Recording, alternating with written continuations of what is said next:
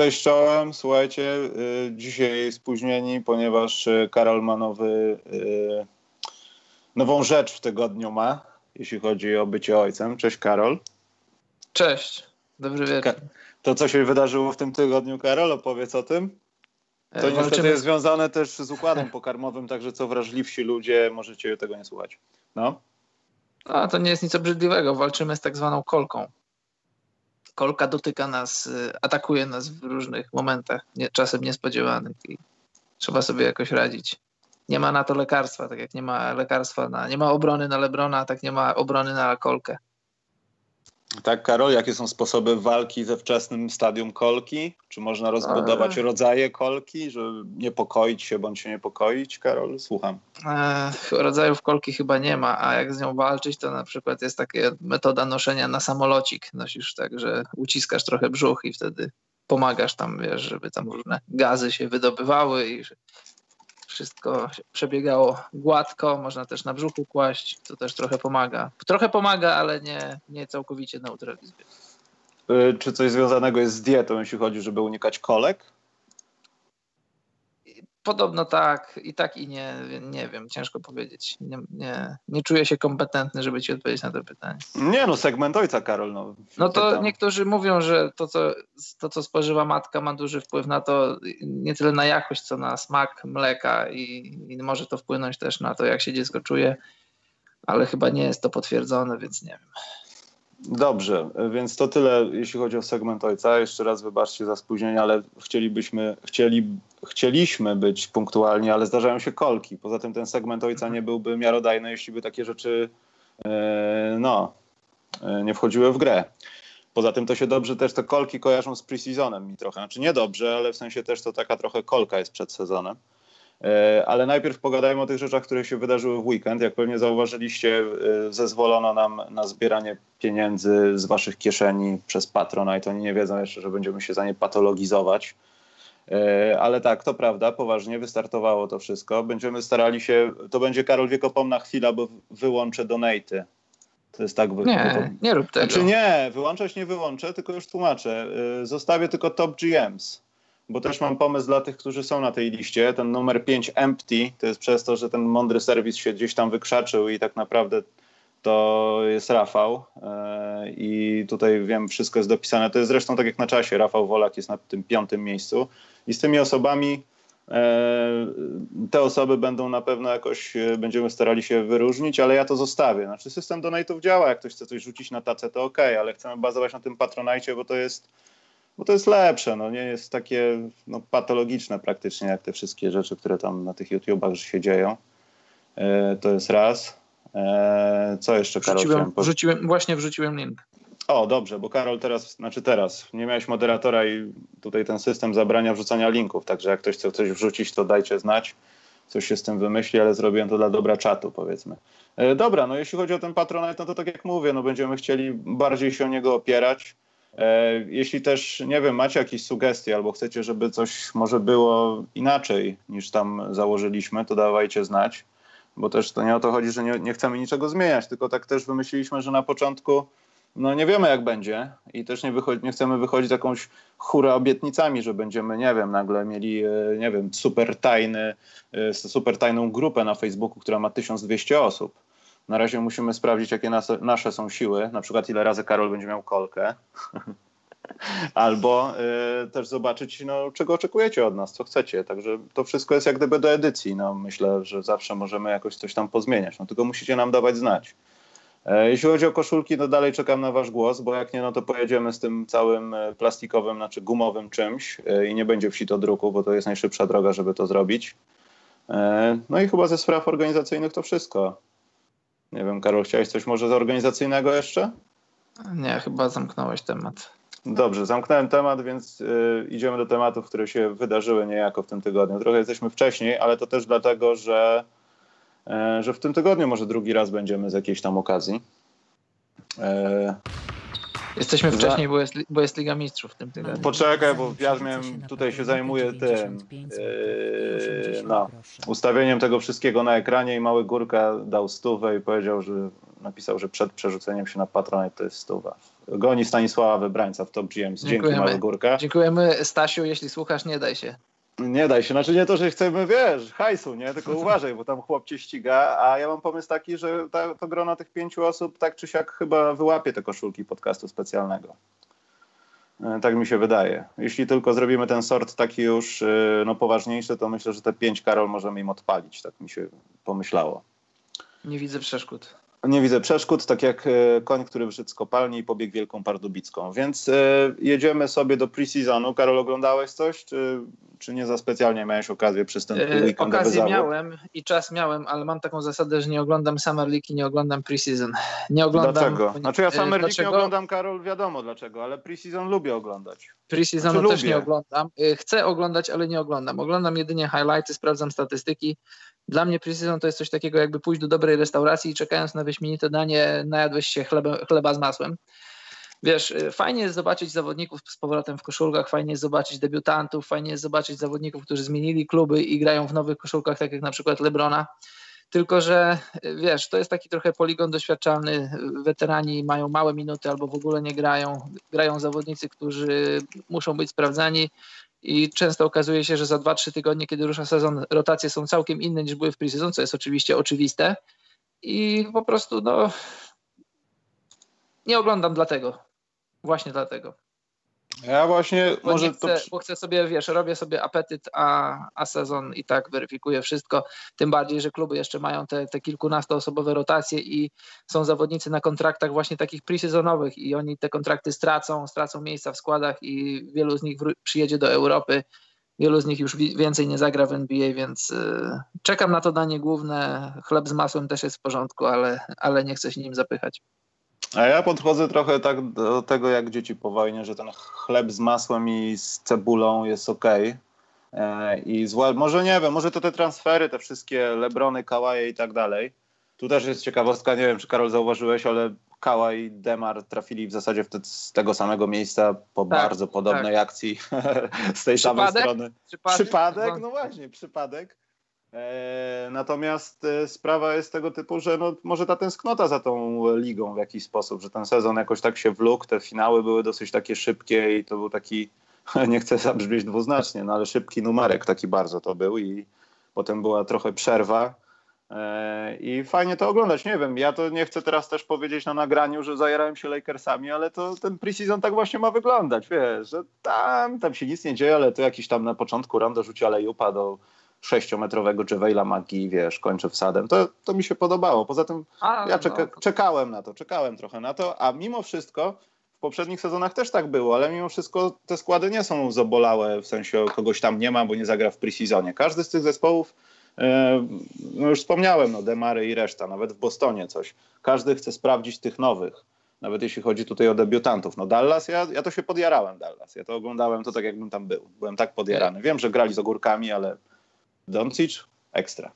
To prawda. Ja też i chciałem jeszcze tutaj, wspomniałeś o Lakers, ja chciałem też o Lakers powiedzieć, bo w ostatnim podcaście mówiliśmy, że nie widzimy ich e, zdobywających mistrzostwo, nie widzimy ich w finałach i być może nawet nie widzimy ich w finałach konferencji, ale Lakers na pewno będą ciekawym składem i to, żeby nie było, żeby nie było niedomówień, że my nie, my nie wskazujemy Lakers jako drużynę, która pobije się o tytuł, ale na pewno będą, chociażby z racji tego, że jest nam LeBron i Rondo, to, to będzie ciekawie, plus młodzież, plus dużo różnych historii, które będą się dziać w Los Angeles, więc na pewno to, to musimy sprostować, prawda Michał, że Lakersi będą ciekawi do oglądania. E, tylko tak, no tylko czy idziemy tym torem, Karol, który właśnie powiedziałeś, że to jest taka smutna przystawka i to wyglądało fajnie, ale w sezonie nie będzie fajnie, bo no, będą grać normalnie wszyscy. Czy wiesz co, faktycznie... ja powiem ci, ja powiem tak. Bo wiesz, nie, e, przepraszam Karol, bo mi to no. ucieknie. Ja doszedłem w tym meczu do takiego czegoś, że JaVale McGee zaczął mi przypominać w tych wysokich skarpetach kogoś takiego retro Lakersowego, wiesz co chodzi? Tak, już nagle tak. się złapałem na tym, ty, dobra, ten żółty kolor już tak, nie, dobra, Michał, uspokój się, spokojnie, to Słuchaj, są Lakersi, spokojnie. No, czy to będzie skuteczne, to tego nie wiemy i mamy co do tego dużo wątpliwości, ale czy to będzie ciekawe, to, to, to na pewno, bo sama obecność Lebrona sprawia, że, że że Luke Walton ma tyle różnych możliwości do wyboru. Może ustawiać Lebrona na pozycji rozgrywającego, y, może ustawiać go na środku, może ustawiać go na, praktycznie na pięciu pozycjach. I, i, I, mając te puzzle wokół, wokół niego, może próbować y, tak rotować składem, że to, że to w, w ciągu sezonu będzie na pewno ciekawe. Będziemy patrzeć, jak Brandon Ingram i, i, i Kuzma i Ball będą się, e, będą się zaprawiać w bitwach, będą zdobywać nowe doświadczenie przy Lebronie i to na pewno będzie ciekawe. Len Stevenson, Rondo, dużo będzie ciekawych historii wokół, tego, wokół tej drużyny. No i sama obecny, sam fakt, że to się będzie dziać w Los Angeles, to, to będzie dodatkowy smak. Kropka. Dobra, ja widzę, że coraz bliżej przerwy na żądanie jest i jestem coraz częściej na wyłączonym mikrofonie w telefonie, no ale jest ok. A, tutaj taki mały przeciek, wink wink. E, w sezonie, kiedy startuje sezon, bardzo prawdopodobnie, że usłyszycie nasze aksamitne włosy, głosy. Włosy też, bo chyba jeszcze nie usieliśmy w przerwie na żądanie, która mniej więcej wraca. Bartek będzie informował o tym, bo bym zapomniał, tydzień temu ktoś o to pytał. Eee, coś jeszcze na temat preseasonu, Karol. A, to boli mnie trochę to, że może przestańmy w preseasonie grać z tymi zagramanicznymi ekipami. Nie wiem. Kiedyś to było fajne, bo jechali gdzieś tam nawet tych, do tych Chin czy Meksyk, a teraz ta Australia to są takie, takie mecze biedy. No ja bym chciał może bardziej przez te transfery wszystkie. 2019 też będzie ekstra rokiem, myślę, jeśli chodzi o takie ruchy, żeby już od razu wejść w grę, wiesz nie zapraszajmy tam nikogo, już się nie, nie dzieje. Wiesz co? No. Z jednej strony biedy, ale z drugiej to jest duża promocja dla, dla NBA, bo wyobraź sobie, że na przykład y, no nie wiem kto, Stelmet. Stelmet jedzie zagrać mecz na Brooklyn i zobacz, zobacz jak, jak to byłoby w Polsce promowane, jakby to wszyscy oglądali. Zobaczmy, jak Stelmet będzie wyglądał na tle Brooklynu. I w tych krajach, z których drużyny przyjeżdżają do, do NBA zagrać mecz, to, to, to jest wielkie wydarzenie koszykarskie i i wiesz, pod względem sportowym, raz, że to jest preseason i te rotacje są złamane, to, to mecze nie stoją, siłą rzeczy nie stoją na wielkim poziomie, ale z punktu widzenia marketingowego to jest, to jest, to jest dobry ruch. No, NBA zazwyczaj robi dobre ruchy marketingowe. Nie wiem, czy możemy coś jeszcze powiedzieć o preseasonie, poza tym, że jak dla mnie to na razie się fajnie to ogląda. Tylko nie wiem, czy ja tylko tak mam, ale czasami znowu mam jakieś pojawiające się dziwne rzeczy na League Passie ze skakaniem jakości. Ale ja już sprawdziłem, to mój internet nie jest tutaj jakimś specjalnym problemem. Chyba znowu się coś u nich dzieje. Nie wiem, czy może jakiś trial jest, nie wiem, ale, ale czasami tak mam.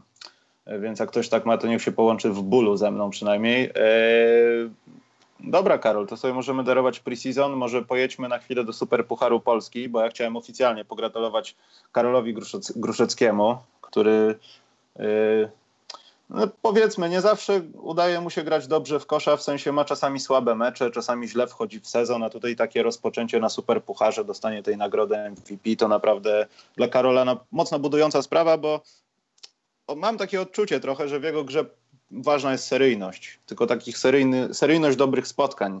To też często widzimy w kadrze. Może stąd się też bierze ta sprawa, że Karola po prostu e, zbyt często aż tak bardzo na boisku nie ma. E, że musi być seryjna. Jeśli kiedy nie jest w tej serii, no to czasami, no to wiadomo, jak z każdym koszykarzem, no zdarzają się głupie decyzje, bo chcesz coś przekuć, jakąś trójkę rzucić, bo nie trafiłeś trzech poprzednich, wiesz, a potem na tym traci drużyna. Także stuprocentowe gratulacje wędrują do Torunia. Nie wiem, Karol, w ogóle widziałeś coś z tego meczu? Coś, cokolwiek? Nie, nie, nie ogląd- niestety nie oglądałem tego meczu. Druga rzecz, skarb kibica Karol w Polsce się pojawił. Tak, na wiem, to, to akurat wiem, widziałem. Jest kilka fakapów, ale nie będę się przypierdzielał. Zauważyłem, znaczy ja nie mówię o błędach merytorycznych, broń Boże. E, zwłaszcza też ciężko mi to jest ocenić, jeśli chodzi o drugą część tego skarbu kibica e, z damską koszykówką.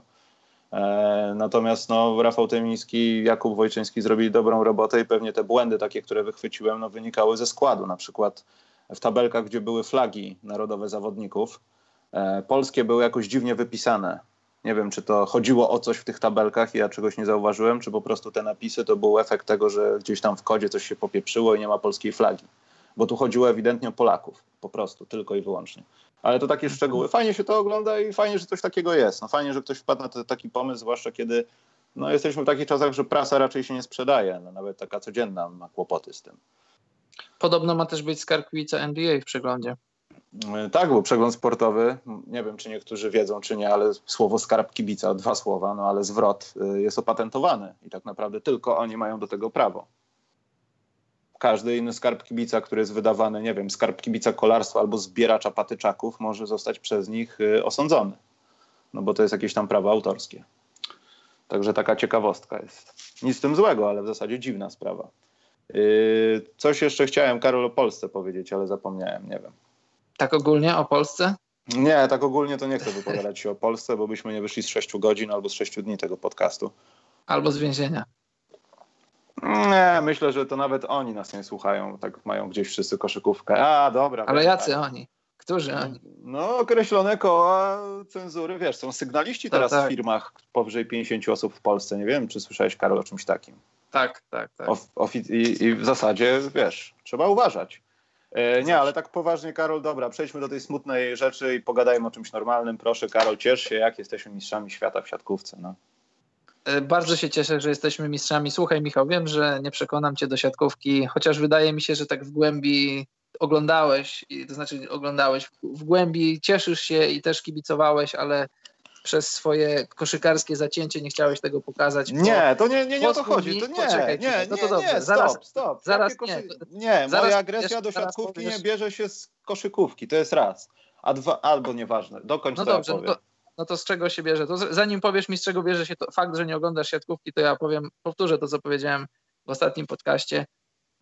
E, jeśli grają biało-czerwoni, to oglądam wszystko jak leci, no prawie wszystko. E, dla mnie to jest patriotyzm w czasach pokoju, gdy nie ma wojny, e, tym bardziej teraz, kiedy nie mieszkam w Polsce, to jest taka podwójna radość, kiedy widzę, że na arenie międzynarodowej jesteśmy klasą światową. Siatkówka to jest sport, który, którym możemy się szczycić i, i wiesz, jak masz pompowany balonik, jeśli chodzi o piłkę nożną i jest taki tak zwany y, ze wszystkiego. Kadrowicze zjedli śniadanie, kadrowicze idą na obiad, kadrowicze to, kadrowicze tamto.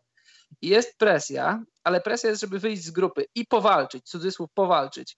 Tak w siatkówce jesteśmy, jesteśmy w top, top 5, top 6, top 7 drużyn w świecie i jeśli my jedziemy na jakiś turniej, to jedziemy po to, żeby być jedną, jedną z ekip, która walczy o tytuły.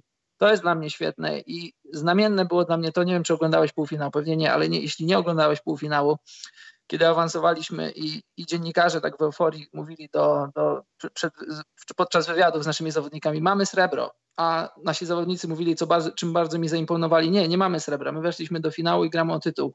My nie przyjechaliśmy tutaj, żeby, żeby wygrać, żeby zdobyć srebrny medal, tylko obronić tytuł, chcemy być mistrzami i to jest świetne i dla mnie to jest, to jest takie trochę znamienne i taki trochę znak czasu, bo pamiętasz jak, nie wiem, 10, 15, 20 lat temu takie trochę jeszcze zahukane sporty polskie były takie, że taki cudzysłów powalczymy, pojedziemy, powalczymy. A co znaczy powalczymy?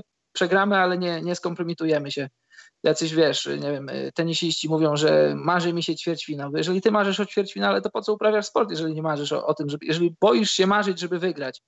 Dla mnie to jest świetne, a w ogóle wokół tej, wokół tej kadry jest dużo różnych y, historii. Ci, którzy siedzą w siatkówce bardziej mogliby więcej opowiedzieć. Chociaż ja muszę przyznać, że siatkówkę na poziomie, na poziomie reprezentacji oglądam od, y, ja wiem, 20 lat może. Pamiętam y, Papkego, pamiętam Murka, pamiętam Zagumnego, wszystkich pamiętam i na przestrzeni lat kibicowałem siatkówce, bo wiesz co, jak oglądałem pierwszy raz siatkówkę, to pomyślałem sobie, że wiesz co, ja się siatkówką nie interesuję za bardzo, ale wygląda mi to dobrze. I tak, tak podświadomie wydawało mi się, że jesteśmy słabi, no bo zazwyczaj jesteśmy słabi w sportach zespołowych i pomyślałem sobie, ciekawe jak wyglądają te najlepsze zespoły. I później tak zaczęło do mnie docierać, że to my jesteśmy w tym sporcie jedną z najlepszych ekip. A wracając do tych ciekawych historii, zobacz. Yy, yy, Bartosz się nie mogę doczekać, jaka jest ciekawa Bartosz, historia w siatkówce polskiej. Bartosz no? Kurek, Bartosz Kurek, 30-letni siatkarz, czyli w zasadzie już teoretycznie po swoim prime. Cztery lata temu Stefan Antiga nie zabrał go na Mistrzostwa Świata i pomyśl, jakie to musiało być, jaki to musiał być cios dla 26-letniego siatkarza. siatkarza, siatkarza w swoim prime, wchodzącym w swoim prime, że nawet nie był tym ostatnim, tym nawet ostatnim na ławkę, że z jakichś tam przyczyn w swojej rotacji nie widział go Stefan Antiga. I później okazało się, że, że, że, to, że w sumie miał rację, bo Polacy sięgnęli po tytuł. I, i teraz, cztery lata później, cztery lata starszy, Bartosz Kurek wraca triumfalnie. W tych pierwszych meczach był taki trochę średni, nie kończył swoich ataków, popełniał różne błędy, a nagle z meczu na mecz zaczyna się rozkręcać, ciągnie ten zespół i zostaje MVP. To jest świetna historia, to jest historia na książkę, na, na, na dokument. Naprawdę to jest inspiracja dla ludzi, którzy którzy w sporcie szukają jakiejś inspiracji, żeby się nie poddawać, żeby walczyć dalej, bo masz 26 lat i nie zostajesz powołany y, do kadry na Mistrzostwa Świata, to myślisz sobie, no to, to gdzie jest twoje miejsce, co, co, co możesz zrobić? I tu 4 lata walczysz, wracasz i wracasz triumfalnie, bo też trzeba pamiętać, że że ostatni turniej, nie pamiętam jaki to był turniej, nie chcę strzelać, bo nie jestem wielkim znawcą siatkówki, ale też Kurek nie miał, nie mógł go zaliczyć do udanych, a teraz wielki, triumfalny powrót i no, świetna historia. Jesteśmy naprawdę, jesteśmy back to back mistrzami świata i to jest coś. Nawet dla tych, którzy nie. W siatkówce, w siatkówce, Karol. Tak, w siatkówce, ale... E, w sporcie, który tak naprawdę... Nie, no. Ale ten sport nie jest niszowy, bo wiesz, niektórzy trochę... Ja nie chcę tego powiedzieć, tylko wiesz co, y, zauważyłem jakieś przebitki podczas, nie wiem, patrzenia na jakieś highlighty, wiesz, wywiadzik, muzyczka, pat, patasowa taka atmosfera, wiesz, tu Polska. I trener polskiej kadry powiedział, że on jest dumny z tego, że trenuje. Mogę coś przekręcić, ale mniej więcej chodziło o to, że on trenuje tą kadrę w takim kraju, który jest jednym z najbardziej zakręconych na świecie na punkcie siatkówki. Stary, ja byłem dzisiaj na dworzu. Ja nie widziałem ludzi, którzy przebijają sobie dla zabawy przez ogrodzenie piłkę. Ale słuchaj. Na powitaniu na lotnisku raczej korków nie było tam chyba. Tam było dużo osób, ale to nie było tak, że wiesz, że widzisz nagle, że Polska, Boże, oszaleliśmy na punkcie siatki, może pójdę pograć z kumplami. Tak, ale widzisz, Michał, nie ma, nie ma żadnej sprzeczności w tym, co on powiedział, bo jeśli, jeśli oglądasz mecze siatkówki, a nie oglądasz, to ci powiem, y, mecze organizowane w Polsce y, cieszą się wielką popularnością, jest, jest, jest świetna atmosfera na trybunach i i ten Związek Piłki Siatkowej Światowej, on to widzi, on to docenia i, i, i, widzą to inni zawodnicy, widzą to inni trenerzy. Oni wiedzą, że w Polsce jest świetna atmosfera do, do, do siatkówki i nie bez przyczyny jesteśmy jedną z najlepszych lig. Polska ma jedną z najlepszych lig na świecie, jeśli chodzi o, o, o siatkówkę. I to jest, to jest naprawdę coś, bo, bo jak myślisz o koszykówce, to myślisz sobie Liga Grecka, Liga Hiszpańska, y, Liga, nie wiem, francuska, tak, tak w siatkówce jesteśmy, jesteśmy w czubie, jesteśmy w topie najlepszych lig, najlepszych lig jeśli chodzi o sport, najlepszych lig jeśli chodzi o finanse, o, o kibiców, o hale, to, to jest naprawdę coś. Ja uważam, że mimo, że siedzimy w koszykówce, interesujemy się koszykówką, mimo, że ja nie oglądam na co dzień klubowej siatkówki, to, to ja się tym cieszę, ja się ty, mi, mi, to bardzo imponuje. Jeśli ktoś mnie pyta, bo, bo tutaj wiesz, no, rozmawiamy o różnych rzeczach, każdy, każdy skądś jest, i, I to jest naprawdę, to jest coś, czym się można chwalić, bo, bo to się nie bierze z niczego. To, te struktury są zdrowe, dobrze działają od dołu, bo zobacz, nie jest tak, że masz jakieś tam złote pokolenie i jedziesz na, na tych 35-latkach, którzy, których zajeżdżasz, bo masz 30-letniego kurka, a tutaj za chwilę masz 21 y, czy 22-letniego y, siatkarza, przed którym jest cała dekada dobrego grania, więc y, mamy dobre pokolenie, wchodzi następne i, i nie ma przypadkowości w tym. Powiem Ci, Karol, tak, że ja swój osąd bardziej odbieram na takiej podstawie, że jak wychodzę gdzieś albo jesteś w postrzeganych szeroko mediach, w sensie czytasz gazetę, patrzysz w telewizję, to siatkówka dla mnie jest tak samo niewidoczna jak koszykówka w Polsce. Plus minus, że interesuję się koszykówką i dlatego mogę mieć trochę z tym problem. Nie dlatego, że siatkarze fajnie wygrywają, może, nie wiem, polskie klubowe zespoły też są dobre. Nie interesuję się tym kompletnie, także nie wiem ale to jest taki case żużla, wiesz, jesteśmy dobrzy w jakimś takim zamkniętym środowisku, ale te dyscypliny, które widać gdzieś, no jesteśmy w dupie. I to jest mój trochę taki zarzut, że wiesz, w siatkówkę możemy się zmotywować, ja nie mówię o piłce nożnej, ale wiesz, fajnie się dzieje w lekkiej atletyce, to jest super dla polskiego sportu. Jasne, Na arenie wiesz, europejskiej siat... jesteśmy bogami w niektórych dyscyplinach, no i nic tego nie zmieni. Wiesz, I nasi sportowcy nie są łapani na ćpaniu, jesteśmy, wiesz, legit w tym zakresie siatkówka nie jest taka, tak jak mówisz, idziesz gdzieś tam po ulicy i widzisz, ludzie sobie pykają siatkówkę, no bo siatkówka to jest raczej sport albo halowy, albo plażowy i musisz jednak stworzyć. No właśnie, no. Ale wiesz, nie, nie chodzi mi o to, chodzi mi o to, że musisz stworzyć specjalne warunki do tego, żeby w nią grać, więc to nie jest tak, jak pójdziesz sobie na skwerek pokopać w piłkę, położysz dwa plecaki i masz bramkę i wszyscy widzą, grasz sobie w nogę. W nogę jest jednak łatwo grać, wystarczy, no tak jak mówię, dwa plecaki albo dwie, dwa przedmioty, które zrobią ci bramkę, jednak żeby grać w siatkę, to musisz przynajmniej na miastkę tej siatki mieć, no i jakieś takie e, w miarę bezpieczne podłoże, albo piaskowe, no albo, albo albo drewniane, albo jakiś rodzaj gumoleum. Dlatego no, ja akurat nie mierzę tego w ten sposób, jak, jak, bardzo siatkówka jest widoczna, no bo ona z oczywistych przyczyn nie może być widoczna na ulicach. To no, tak samo też jak koszykówka. W koszykówkę też musisz mieć przynajmniej nie, no, Metaforycznie powiedziałem bardziej, no wiesz, no, że mimo wszystko nie jestem jakoś tym bity. No, nawet w tych mediach, no to, to tam wiadomo, jedynka puszczała te mecze, coś tam powiedzą na tym TVN-ie, ale wiesz, jakbyśmy zdobyli w piłkę nożną jakieś wicemistrzostwo czy trzecie miejsce, to byśmy gadali o tym przez sześć tygodni i ktoś by więcej w tą piłkę grał. Mówię o takich rzeczach, wiesz. No właśnie, no ale zobacz, czy to nie jest przypadkiem niesprawiedliwe, bo co by się nie wydarzyło w piłce dobrze, zagramy jakiś towarzyski mecz z jakimś tam Pakistanem, y, to oczywiście sobie żartuję i wygrywamy i już budujemy na tym, y, budujemy na tym jakąś tam teorię na przyszłość i najbardziej optymistyczne scenariusze y, z możliwych, a najśmieszniejsze jest to, pamiętasz, jak jeszcze z Przemkiem nagrywaliśmy podcast, że kiedy tylko ktoś w jakiś sposób pozytywnie się o nas wypowie, to już jesteśmy gotowi dać mu honor obywatelstwa. Jak Russell Crowe powiedział, że jedną z tak. drużyn, których będzie obserwował, będzie, będzie Polska w piłkę nożną i to już było coś, to już był, to już był news, które, który podchwyciły gazety od, od prawej do lewej strony. To jest zawsze śmieszne. No i wiesz, to czy to jest wina piłkarzy, to, to nie jest wina piłkarzy, że, że wokół nich jest taki szum. To jest po prostu wina, ja wiem, czy, ja, czy to jest wina mediów, że, że to robią. Może nie, bo skoro widzą, że to się klika, to się czyta, no to oni to robią. Czy to jest wina kibiców, że są tacy spragnieni piłki nożnej? Też nie wiem, bo jak sprawdzam dookoła wśród moich kolegów, którzy siedzą w piłce nożnej akurat, to, to oni też trochę są zażenowani tym, że, że wokół piłki jest tyle pieniędzy, tyle rozgłosu, a nie, nie ciągnie, nie wiąże się to z sukcesami, więc yy, ciężko powiedzieć, wiesz, Miałem taką swoją teorię na ten temat y, odnośnie piłki nożnej, ale trochę różne obowiązki poza, pozasportowe sprawiły, że nie, nie zająłem się tym tematem. Zobacz, nie, nie, wiem, czy pamiętacie jeszcze przed mistrzostwami, w trakcie mistrzostw i po nich, jak, w jakim w ogóle tonie były pisane e, teksty na temat naszej drużyny, na temat e, naszej kadry, chodzi mi o piłkę nożną, to było pisane w tonie takim, takim patriotyczno, e, w sumie nie wiem jakim, że, że jakieś takie wielkie tytuły, złamane marzenia, zawiedzione jakieś tam nie wiem co. Dla, dla mnie to jest naprawdę bardzo dziwne, bo, bo jak dorosły człowiek, dorosły facet czy tam kobieta, którzy interesują się sportem, w jaki sposób ty lokujesz swoje marzenia w tym, że, że twoja kadra ma coś wygrać czy nie wygrać? Ja oczywiście kibicuję, cieszę się, jeśli wygrywają, to jest fajnie, ale jeżeli przegrywają, to jest tylko sport. Ja nie płaczę, nie wyrywam włosów z głowy. Y, nawet nie mam smutnego dnia z tego powodu, że Polska odpada z jakichś tam rozgrywek. Oczywiście, jak wygrywają, to się cieszę, ale jeśli przegrywają, to, to stąpajmy twardo po ziemi. To jest tylko sport. Ale budowanie całej tej otoczki, że, że mamy nagle złamane, złamane marzenia po tym, że Lewandowski i koledzy nie, nie wyszli z grupy, to to jest trochę, moim zdaniem, trochę nie bardzo i to się odbija źle na piłce nożnej, a ale cieszmy się, że mamy siatkówkę, bo to jest, to, jest, to jest jedna z niewielu dyscyplin, która stoi w Polsce na super profesjonalnym, światowym poziomie, trzeba to podkreślić, światowym poziomie.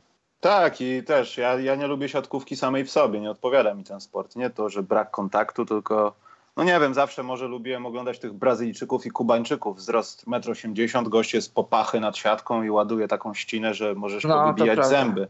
I tylko to jest fajne w siatkówce. Ale powiem ci, że, że ja w siatkówkę też nie umiem grać. Y, bardzo mało razy grałem w siatkówkę w liceum. Y, w zasadzie poza liceum chyba nigdy w życiu nie grałem w siatkówkę tak dla przyjemności, bo granie w siatkówkę nie sprawia mi przyjemności. Nie umiem grać na tyle dobrze, żeby gra sprawiała mi przyjemność i tym bardziej doceniam tych siatkarzy, bo, bo zobacz, ktoś serwuje piłkę z prędkością ponad 100 km na godzinę i taki, taki Zatorski czy, czy, czy ktokolwiek inny, ci, którzy przyjmują piłkę, zobacz, oni muszą to przyjąć, ta piłka, jeżeli ktoś wycelowałby w ciebie czymś z prędkością 100 km na godzinę, to ty byś się starał, żeby raz, a, nie ucierpieć, b, w ogóle y, być w stanie skontaktować się swoim ciałem z tą piłką, a jeżeli ty jeszcze musisz dodać element taki, że ty musisz tą piłkę odebrać, żeby ona poszła w górę y, w miarę łagodnie, w miarę spokojnie, żeby drugi rozgrywający mógł tę piłkę wystawić Kurkowi czy komukolwiek innemu, to dla mnie ten poziom, poziom trudności to jest naprawdę, to jest naprawdę coś. Przypadkowi... Owszem, no. owszem, no. Nie wiem. Dobrze, to się cieszmy, Karol. Ja napisałem, że Karol cieszy się siatkówką w tematyce. A, i, cieszę się, cieszę się. I, I, bardzo dobrze, ale cieszę A, się też, że bez jedno, przestaniesz że... o tym pisać do mnie na Twitterze, też się z tego cieszę.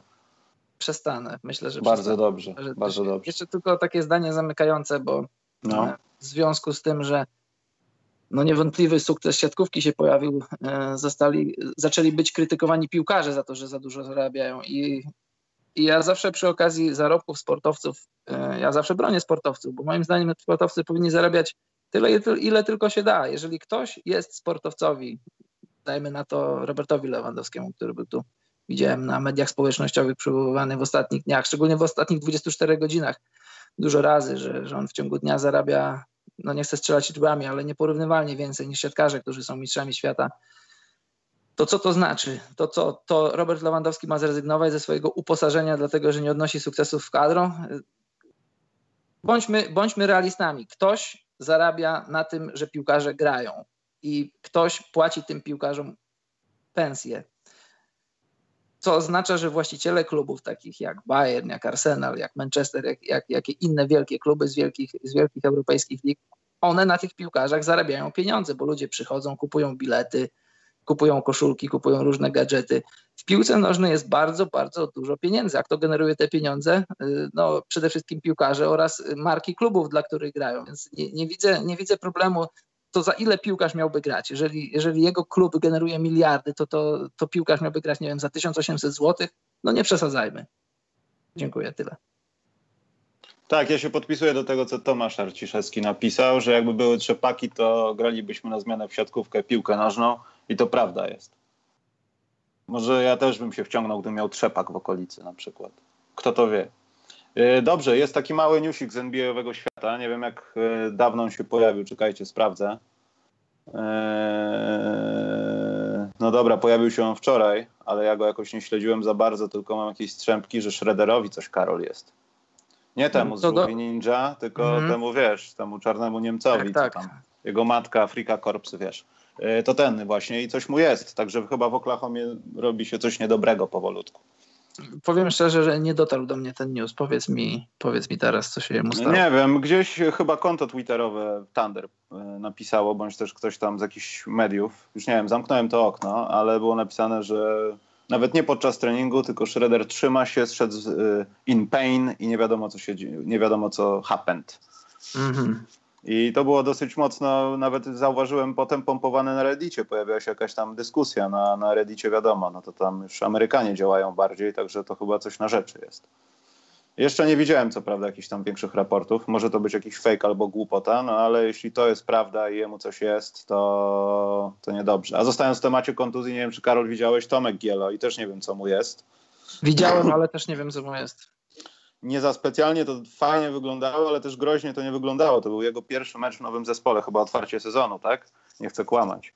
Tak, tak mi się tak. wydaje. I no, chyba coś z kolanem, bo jakoś tak wszedł pod kosz, był obrońca, ten obrońca już był wywrócony, kiedy Tomek lądował. Tomek jakoś tak chyba prawą nogą e, dziwnie jakoś tak zaszpagatował, że tak powiem, no i klasycznie coś w kolanie. I to też trochę może, ja nie chcę bardzo mówić, że wpływać, ale na te mecze, dalsze kadry, które będą już w grudniu, już w grudniu, nie, w październiku jeszcze będą, e, no to mimo wszystko brak Tomka Gielo może boleć, bo to dalej w jest październiku? Nie, chyba później. Albo w listopadzie, nie chcę kłamać, ale to są wyjazdowe mecze, gramy z Holandią bodajże. Potem 2 no, grudnia wracamy, czy 3 grudnia wracamy do Polski. Zależy tam... jak poważna jest to kontuzja. Właśnie, no Tomek też nie ma dużego tam, e, no nie wiem, rozkładu minut w, tej, e, w tym, jak na razie w tym wyjściowym składzie nawet, albo w ogóle w składzie. Natomiast, no, jak było widać w meczu z Chorwacją, jest potrzebny i uważam, że gdyby, no, tak mi się wydaje, że jak będziemy grali z tymi przeciwnikami, którzy, nawet z Chorwacją drugi raz, którzy nie mają zawodników z NBA, bo NBA, sezon NBA będzie trwał, to Tomek może być bardziej eksploatowany, wykorzystywany, a poza tym mógł się rozpędzić w tym sezonie, więc jeśli to jest jakaś nawet mało poważna kontuzja, to słabo dla jego kariery przede wszystkim. No i tak, te Kanary są pechowe chyba dla naszych Polaków, bo wcześniej tam Przemek miał jakieś kłopoty, z kłopotami przyszedł, ale miał potem, potem tyle. A i cukier do przerwy remisuje po 34.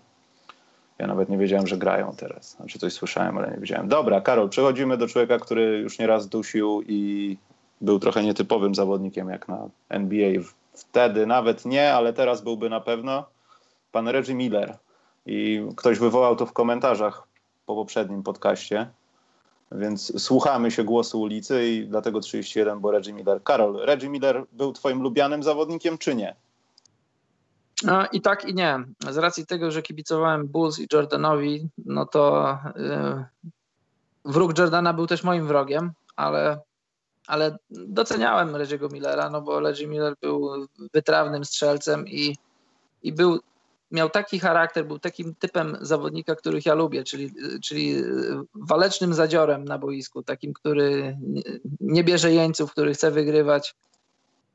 I no, imponował mi przez lata. Bardzo, to znaczy, może nie tyle go lubiłem, co ja powiedziałem na początku, z racji tego, że kibicowałem Jordanowi, to, to, to wiesz, to jest taki trochę złożony temat, bo, bo kogo, kogo, nie lubisz? No nie lubisz ludzi, których, których podświadomie trochę się boisz i wiesz, że mogą stanowić jako, jakieś zagrożenie dla, dla klubu, w którym kibicujesz, więc przez to, przez to moje trochę nielubienie Millera to, był, to było okazanie mu jak największego szacunku z racji tego, że że widziałeś gdzieś tam potencjalnie możliwość taką, że Reggie może pokonywać, Reggie i jego Indiana mogą pokonywać Bulls.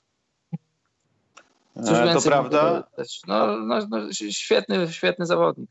A poza tym, e, no wiadomo, no Reggie przyszedł w takim czasie, że jak my zaczęliśmy już wchodzić jakoś, już mówię jako Polska do tego świata NBA, e, no to byliśmy w połowie jego kariery powiedzmy i dopiero złapaliśmy go na takim etapie, kiedy był tym takim no każdy superbohater ma swojego antagonistę, największego przeciwnika. No, czy tam, mm. Już nawet nie mówię o sobie, ale jakiś przedmiot, cokolwiek, coś, czego się boi. Reggie Miller wielokrotnie no, miał być tym dla Jordana, ale to nie zawsze wychodziło. E, ale pytanie jest takie, czy, bo wiesz co, ta jego kariera opiera się głównie na tym, że on świetnie grał w końcówkach spotkań i potrafił zabijać ludzi w tych końcówkach, nawet jeśli okazało się, że on już dawno nie żył jako drużyna w tej końcówce miał ten taki zmysł mordercy i nawet czasami on był taki, nie wiem, bardziej namacalny niż Jordana, że on rzucił, Jordan rzucił, popatrzył się, pokiwał głową, zrobił szrak, nie wiadomo o co chodzi, a, a Reggie Miller podbiegał do ciebie jak do Spike'a Lee, pokazywał, kto się dusi teraz.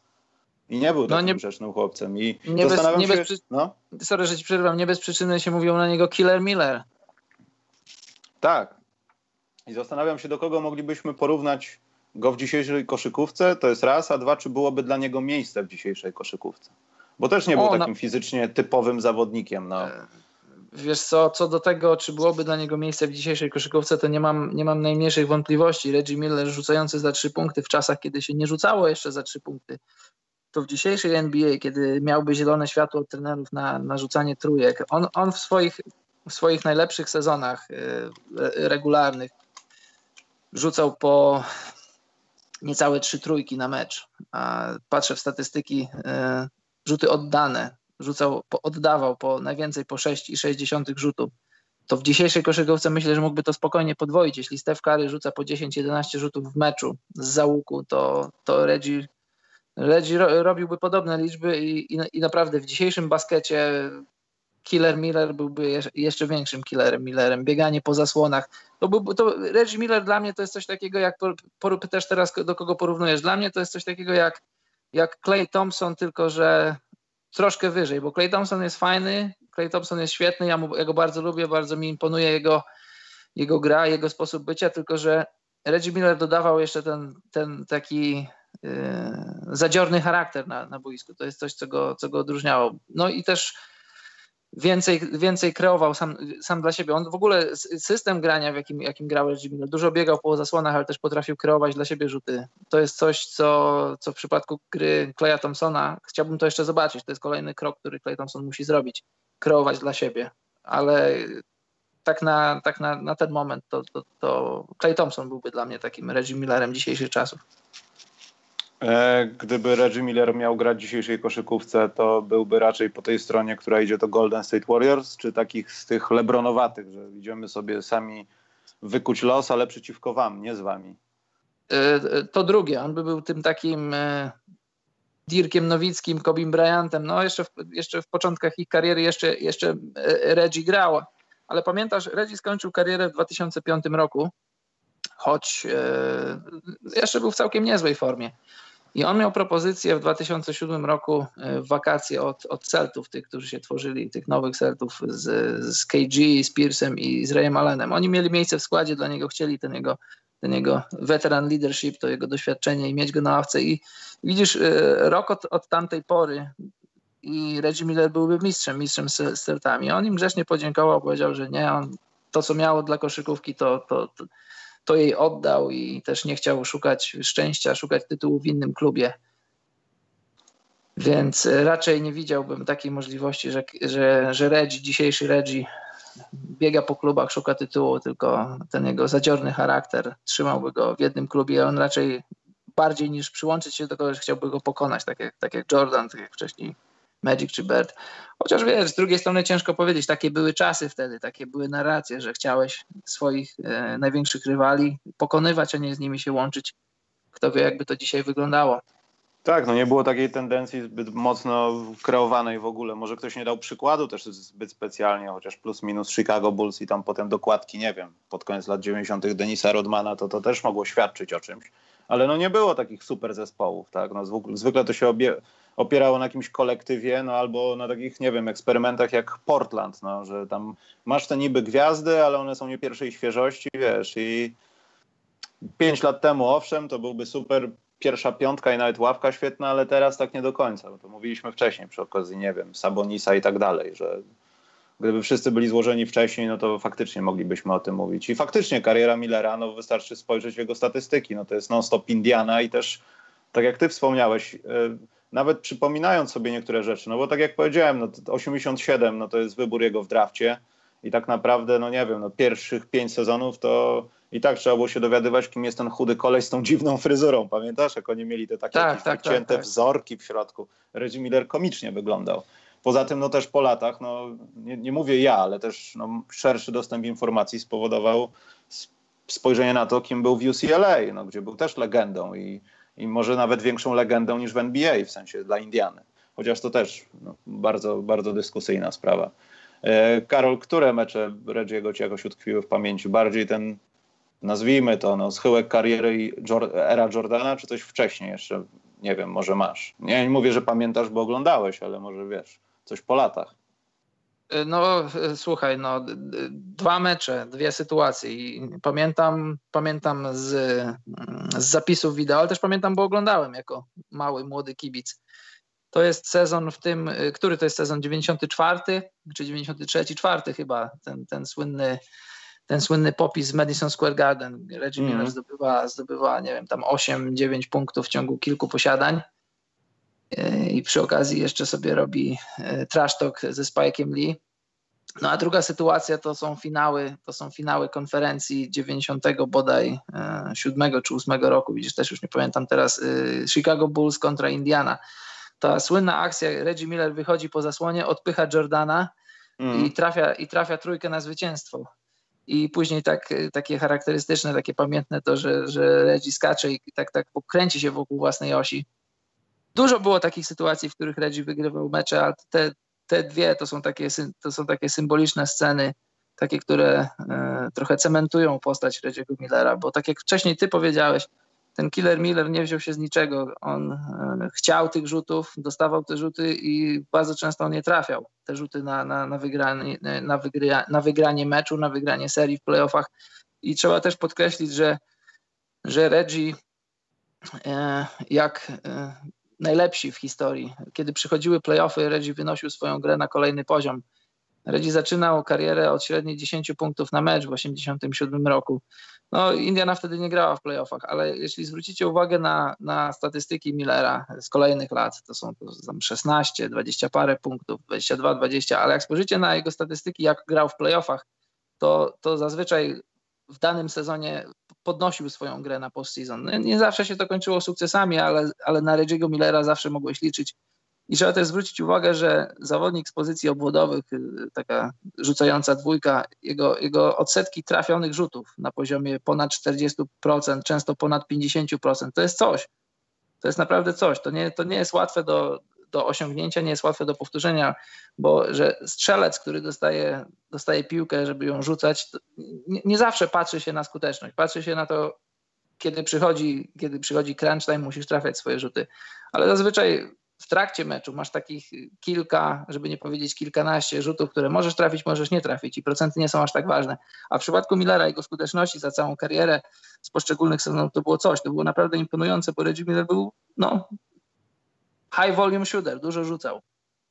Tak, poza tym to też patrząc na jego statystyki, no to w dzisiejszej koszykówce to już w ogóle byłoby połączenie mordercze, no bo wiedząc o tym, no już pomijam tą warstwę jakąś psychologiczną jego gry, że tam pod koniec te emocje jakoś zawsze dawały e, odczuć się w jego przypadku in plus, nie in minus, że tym wariactwem nie prowadził do jakichś głupot, nie wiem, patrz bajnam czy cokolwiek, tak? Ja nie tak. porównuję już opozycję, ale mówię o psychice.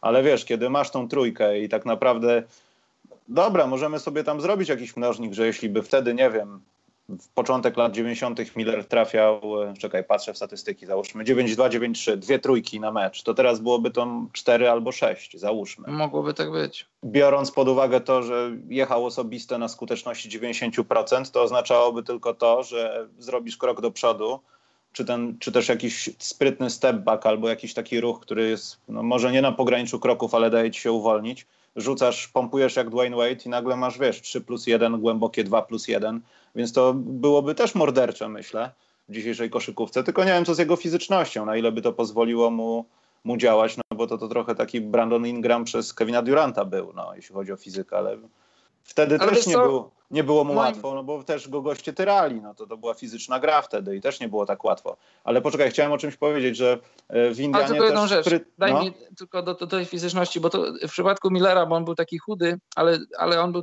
to było takie trochę złudne, że on jest, że on, no bo taki był trochę chudy, wyżyłowany, ale on tak, był naprawdę tak. mocnym zawodnikiem, silnym fizycznie. Po nie, ale mówię o takich samych rzeczach. Wiesz, że nie oszukasz niektórych rzeczy, że jak cztery razy wpadnie na ciebie szak, to możesz być silny, ale, już jesteś tak pobijany, że te ręce już się tak nie wyginają, wiesz, patrz Alan Iverson, jak on to znosił wszystko, wiesz, no też był chuchrem w porównaniu do reszty i dostawał swoje po prostu. E, o czym chciałem powiedzieć, że w Indianie też, e, to też wiele od niego zależało na pewno, ale to też było tak, że tak naprawdę w tych pierwszych czterech, pięciu sezonach ofensywnie jechał, miał najwyższe średnie w karierze, raz przekroczył 2000 punktów, a potem, kiedy tak naprawdę więcej drużyna z nim znaczyła, on zdobywał znacznie mniej punktów, ale na przykład częściej trafiał za trzy punkty. Miał jeszcze wyższe średnie osobistych, czyli już to było takie wyważone, że już mamy skład i Reggie Miller, Reggie Miller wiadomo nie będzie nam prowadził gry tak jak Jordan, musimy się dostosować, mieć zespół. I to też było ważne, no, patrząc na to, jak Indiana sobie nawet radziła wtedy na jakimś rynku transferowym, czy z podpisami, żeby jeszcze wzmocnić tą drużynę, czy coś. E, dobrze, e, jeśli chodzi o moje mecze, no to ja wam polecam obejrzeć, e, jak się nazywał ten dokument, 30 on 30, Reggie Miller versus The New York Knicks. Tam jest wszystko o tym, tak naprawdę to też jest dobra rzecz, ale to już taka dla działu psychiatrów NBA. Jak bardzo Reggie Miller żył na tej współrywalizacji z Nowym Jorkiem, która no nie zawsze była owocna w sukcesy. Faktycznie było kupę walki, Reggie Miller przejmował mecze, ale nie zawsze ta Indiana była lepsza. I gdyby nie było takiego Nowego Jorku, tylko byłby co chwilę inna ekipa, nie wiem, czy Reggie Miller byłby aż tak zdesperowany, żeby z nimi grać, a te mecze były naprawdę chyba najciekawsze w jego karierze. Nawet, nie wiem, no te momenty, co wymieniłeś i ten headbutt taki, zderzenie się głowami z Johnem Starksem, jak zrobiła się mała burda, no to było coś, co chyba motywowało go bardziej do tego, żeby tam grać. No, na pewno. Cieszę się, Karol, z rozbudowanego komentarza. No wiesz, no, zamk zamknąłeś, zamknąłeś temat w zasadzie, cóż mogę dodać. No, no Reggie Miller, to, ja też podpisuję się po tym, co powiedziałeś. Polecam ten film o, o Reggie Millerze. Tam wielu, wiele ciekawych osób wypowiada się na temat jego samego, jego siostra, która zapewne wie na temat jego, jego charakteru najwięcej. Tak, Reggie Miller jest jedyną postacią w NBA, która, który ma siostrę i może być jednocześnie jego bratem. Bardzo tak. podo podobnie do siebie, nawet głos mają podobny no, tak jak w przypadku wielu walecznych zawodników, to, to, to go motywowało, ten hejt go motywował, ten,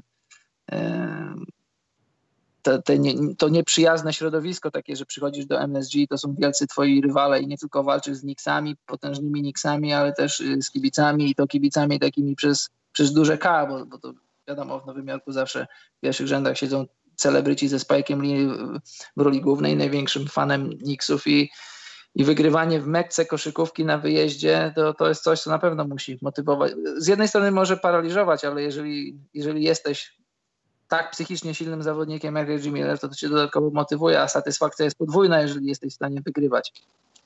Wiktor napisał na czacie, gdyby nie Spike Lee, Reggie nie byłby Hoff. No i w zasadzie może coś w tym być, no to oparcie się na tą nieskończoną nienawiść do Nowego Jorku. No tylko kilka osób miało taką fiksację na punkcie Nowego Jorku albo nawet dalej ją ma, bo Nowy Jork dalej trochę jest takim miejscem, że te duchy powracają. Dobra, Karol, zamykamy Reggie'ego Millera, bo, bo on też był wariatem poza parkietem, o tym nie będziemy rozmawiać, ale burzył y, małżeństwa, potrafił żonate kobiety tam gdzieś przekabacać, także y, jego kariera poza koszykówką też była oparta na jakiejś walce i udowadnianiu czegoś. Nie ma dobrej opinii Reggie.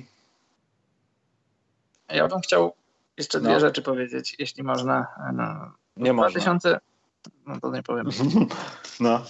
Z, z, sędziowskiego aspektu w 2012 roku powstała tak zwana Reggie Miller Rule, bo jak pamiętacie, Właśnie.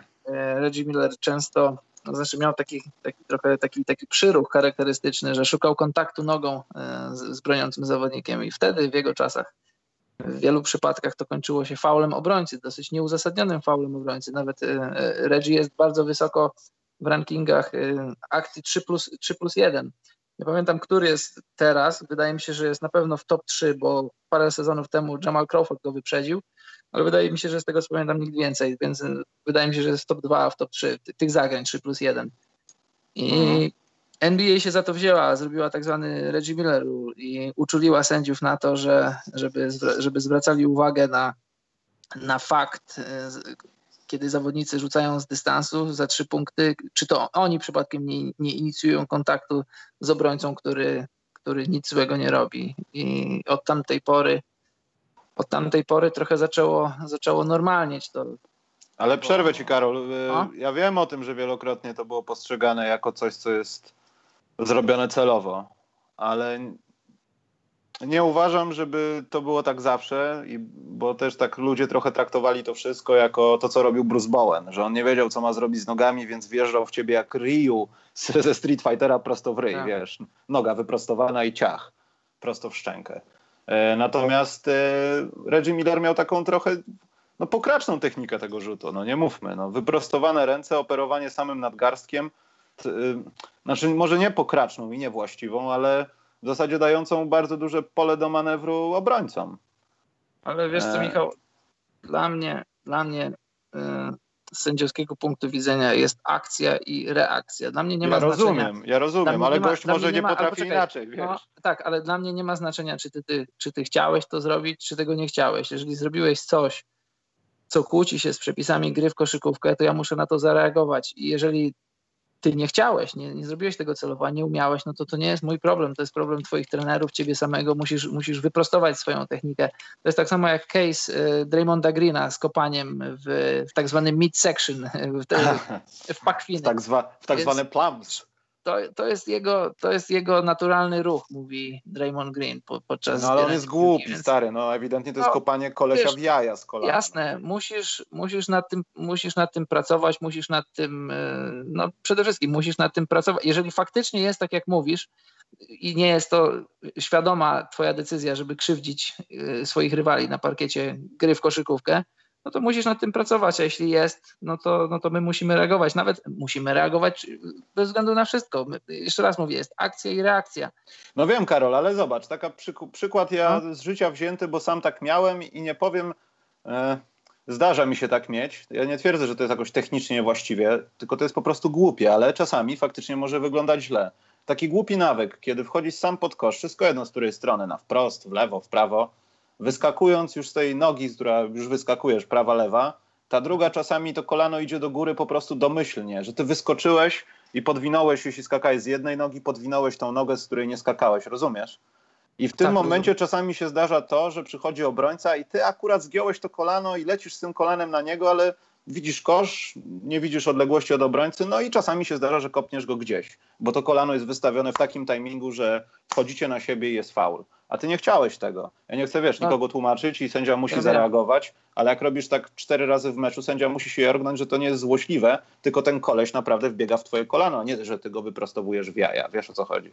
Tak, Michał, to to są dwie rzeczy. To jest tak zwany Stefan Marbury w Chinach.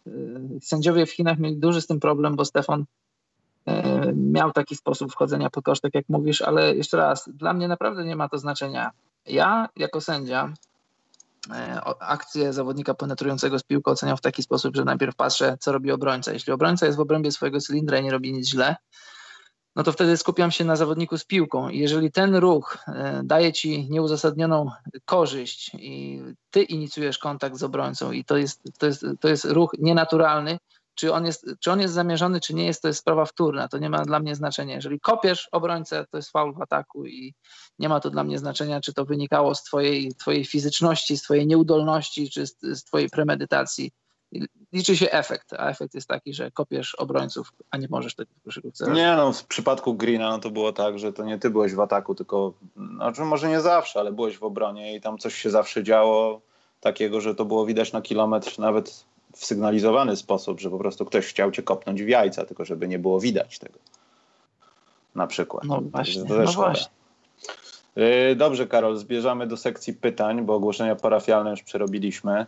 Eee, poczekaj, bo ja miałem jeszcze jakieś pytania zapisane skądś inąd. Zacznijmy od końca. Mateusz Dobosz, Michał, z kim zaczynasz sezon LW i wygrasz w tym roku? Ja co roku wygrywam, mentalnie, nawet nie chodzi o medalowo. Nie wiem, wiesz co, mamy połowę nowej drużyny, nie mam bladego pojęcia, czego się po nich spodziewać, a zaczynamy chyba z Tornadem, także Mateusz, jak możesz, nie sędziuj nam tego meczu, bo może być nerwowy.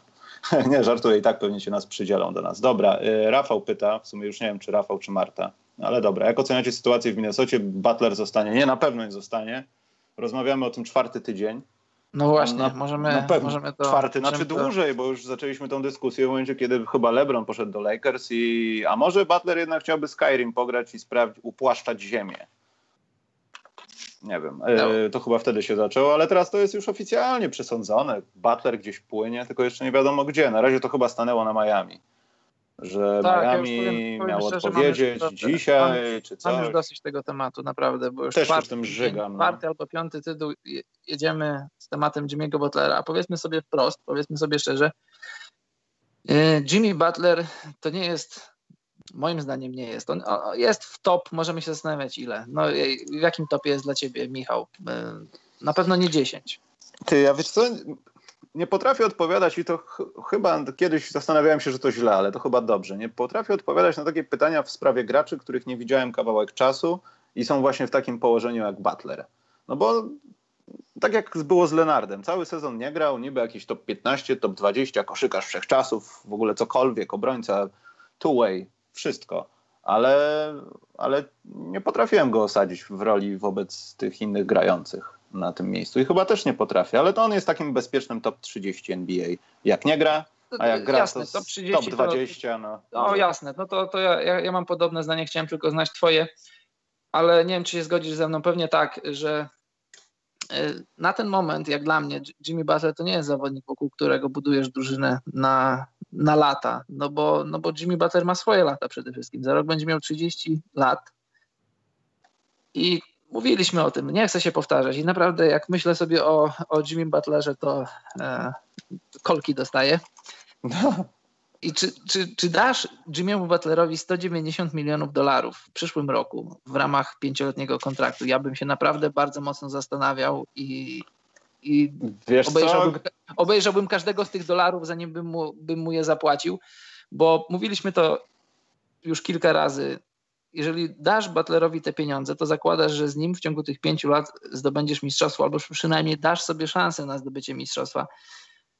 Ciężko jest mi to sobie wyobrazić, e, Jimmy'ego Butlera jako, jako pierwszą opcję w drużynie zdobywającej tytuł. Po prostu te, simple and plain. Nie jestem w stanie wyobrazić sobie Jimmy'ego Butlera jako pierwszą opcję w drużynie walczącej o tytuł. Tyle. A ja jestem sobie w stanie wyobrazić, tylko Jesteś? musiałby. Tak, jestem w stanie sobie wyobrazić. Jak tylko... pierwszą opcję drużyny, w drużynie walczącej o tytuł? I No nie, pierwszą nie, ale bardziej. No ja właśnie opcję... o tym mówię. A ja bardziej myślę o takim zawodniku, który idzie gdzieś i spełnia w końcu swoje oczekiwania, że może nawet jest drugi. Tylko yy, musi nastąpić tak, jedna rzecz. Tam muszą tego, być no? ludzie, których on lubi. To musi być taki case jak jeżdżenie na bananie, wiesz, w Miami. Nagle jest Bosch, nagle jest Wade, nagle jest James i oni świetnie grają, mimo że im ten pierwszy skok z Matrixa nie wychodzi.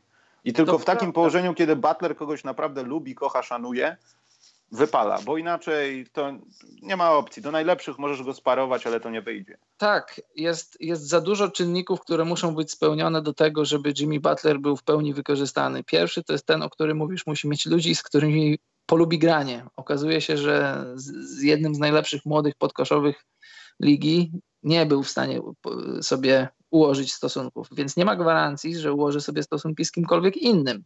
To jest pierwsza, podstawowa, najważniejsza sprawa. I jeszcze raz, dla mnie, cieszę się, że się ze mną zgodziłeś, Jimmy Butler jako pierwsza opcja, podkreślam, pierwsza opcja drużyny, która sięga po tytuł, to jest, to jest scenariusz, który moim zdaniem jest scenariuszem nierealnym. Jimmy Butler oczywiście jest świetnym zawodnikiem. W drużynie, która myśli o tytuł, byłby wspaniałym kim właśnie, drugim, trzecim, no dajmy na to, że nawet i drugim, ale nie pierwszym. No, no i, i, pytanie, no. czy też takie następne, bo wiesz, ja nie chcę porównywać jednego do drugiego, bo tak jak cytat mówi, nie, nie, nie ten, nie bądźmy peweksami. To są dwa różne systemy walutowe. Ale gdybyś na przykład postawił Butlera w takiej sytuacji, ja wiem, że to się musi masa rzeczy stać i też muszą, nie wiem, jakoś mieć do siebie szacunek albo widzieć w tym sens obaj, ale gdyby Kałaj był sparowany z Butlerem w jednej drużynie, to moglibyśmy mówić o sytuacji takiej, że no dobra, reszta drużyny jest ok, bo tam jest jeszcze Lowry i tak dalej, ale Butler razem z takim gościem jak Kałaj, który nie ma zbyt dużo wymagań, po prostu ch chyba chce grać dobrze w kosza i być koniem pociągowym, wiesz, taki łysek z pokładu idy, ślepy, ale i tak pociągnie ten wózek, że on wtedy może być na spółkę z kimś pierwszy. Może być najważniejszą ale... postacią, ale żeby to było w chicagowskich warunkach, wiesz, jeszcze jest Dareczek Rose i na mnie nie ma tej odpowiedzialności. W razie co mogę powiedzieć, że to jest jego wina. No ale nie wiadomo, czy Jimmy by się polubił z wujkiem Kałaja. No, poza tym już nam nie brakuje postaci w grze Oklon, żeby obsadzić jeszcze Butlera, także to nie może dojść do tego kara. No to jest kompletnie wykluczone. No dobrze, to e, zamykamy temat Jimmy'ego Butlera. Zamykamy i ja mam nadzieję, że on powróci w końcu, nie wiem, mam nadzieję, że w tym tygodniu i go sfinalizujemy, bo ja szczerze mówiąc już nie mogę o tym rozmawiać, bo to jest... A wiesz co ja bym chciał zobaczyć na przekór? Chciałbym zobaczyć e, scenariusz, w którym Minnesota go nie puszcza i każe mu grać. E, Jimmy Butler nie, jest niesforny i nie stawia się i płaci karę, znaczy jest, jest no, karany finansowo za to, że się nie stawia do, do klubu, do miasta i w końcu w połowie sezonu, no powiedzmy gdzieś tam w grudniu, ten krnomny, Butler e, trochę mięknie, no bo wie, że gra też o, o, pieniądze dla siebie, o nowy kontrakt, gdziekolwiek by on nie był. No i zaczyna grać. I zaczyna grać, wszystko zaczyna się układać. Znowu Tom Thibodeau jest jego, jest jego przyszywanym ojcem. E, relacje z Katem i z Wigginsem się poprawiają, drużyna wchodzi do playoffów i coś tam osiąga. Znaczy nie zdobyła mistrzostwa, ale coś tam osiąga. Dajmy na to, że przychodzi pierwszą rundę i przychodzi czerwiec i czy Jimmy Butler podpisze, czy Jimmy Butler zostanie, bo już mamy pod kontraktem, już Wiggins jest pod kontraktem, już Kat jest pod kontraktem, a, a ta drużyna może być dobra, jeżeli zmaksymalizujesz potencjały tych trzech zawodników, a ja uważam, że że Andrew Wiggins y, po prostu musi trafić pod dobre skrzydła i powiedziałem to tydzień temu albo dwa tygodnie temu. Gdyby Jimmy Butler chciał, gdyby naprawdę chciał, to on mógłby z Wigginsa zrobić ludzi, bo Wiggins jest w stanie być może nawet trochę lepszą wersją Jimmy'ego Butlera, bo uważam, że o, Jimmy jest super atletyczny, ale Wiggins to dlaczego, jest, Karol, jest jeszcze bardziej jeszcze, Dlaczego z nim się jeszcze to nie stało, skoro ma to wszystko? Tak, dlaczego? Ja, ja nie wiem, Michał, ja nie siedzę w głowie Andrew Wigginsa. Może Y, Ale... Słuchaj, ja słuchaj, no. jechałem no. ostatnio samochodem i myślałem sobie o tym. I często jest tak, że jesteś młodym, atletycznym zawodnikiem i marzysz o tym, żeby, żeby zagrać w NBA, prawda? No tak miałem raz, no. Taki, ja też tak miałem, jesteś takim młodym kałajem, ale twoje marzenie czego sięga? Twoje marzenie sięga, żeby dostać się do NBA, no i gdzieś tam w dalszej perspektywie być mistrzem, być MVP, kimś, kimś wielkim, ale to jest raczej taka druga perspektywa. Wyjściowo marzysz o tym, żeby zagrać w NBA. No i w końcu marzenie ci, ci, się spełnia, przychodzisz do NBA. Ale w NBA zaczynają się dzieć, dziać dodatkowe rzeczy, wiesz, y, chociażby no, presja, presja mediów, presja środowiska, jesteś na świeczniku cały czas, jesteś hejtowany przez ludzi, których nie znasz, których nigdy nie poznasz, którzy w żaden sposób nie, nie są w stanie wpłynąć na twoje życie. Ale w tym wszystkim stajesz się zawodnikiem dobrym, stajesz się zawodnikiem bardzo dobrym i nagle oczekiwania wokół ciebie rosną i, i sytuacja może cię przerosnąć. Ja tak, tak mi się wydaje, tak próbuję wejść do głowy Wigginsa, wejść do głowy tych innych zawodników, którzy mają trochę, trochę pod górę z tym statusem bycia, bycia gwiazdą i ostatecznie na koniec dnia ty, ty, ty nie marzyłeś o tym, ty się na to nie pisałeś. Ty chciałeś być świetnym koszykarzem i to ci się w pewien sposób udało. Grasz w NBA i w niej pozostaniesz.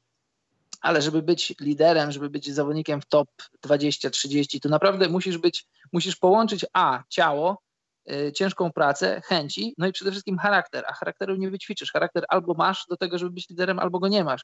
I tak jak Wiggins, czego, czego mu nie życzę, a powiedzmy tak jak wielu zawodników, co do których były oczekiwania, były marzenia, było ciało, było wszystko, ale zabrakło charakteru, a charakteru nie jesteś w stanie, to znaczy jesteś w stanie jakoś pracować nad swoim charakterem, ale generalnie wyjściowo co do, co do, co, co do tego, jak, jaką jesteś postacią, jak reagujesz, jak się zachowujesz, no to albo taki jesteś, albo nie jesteś.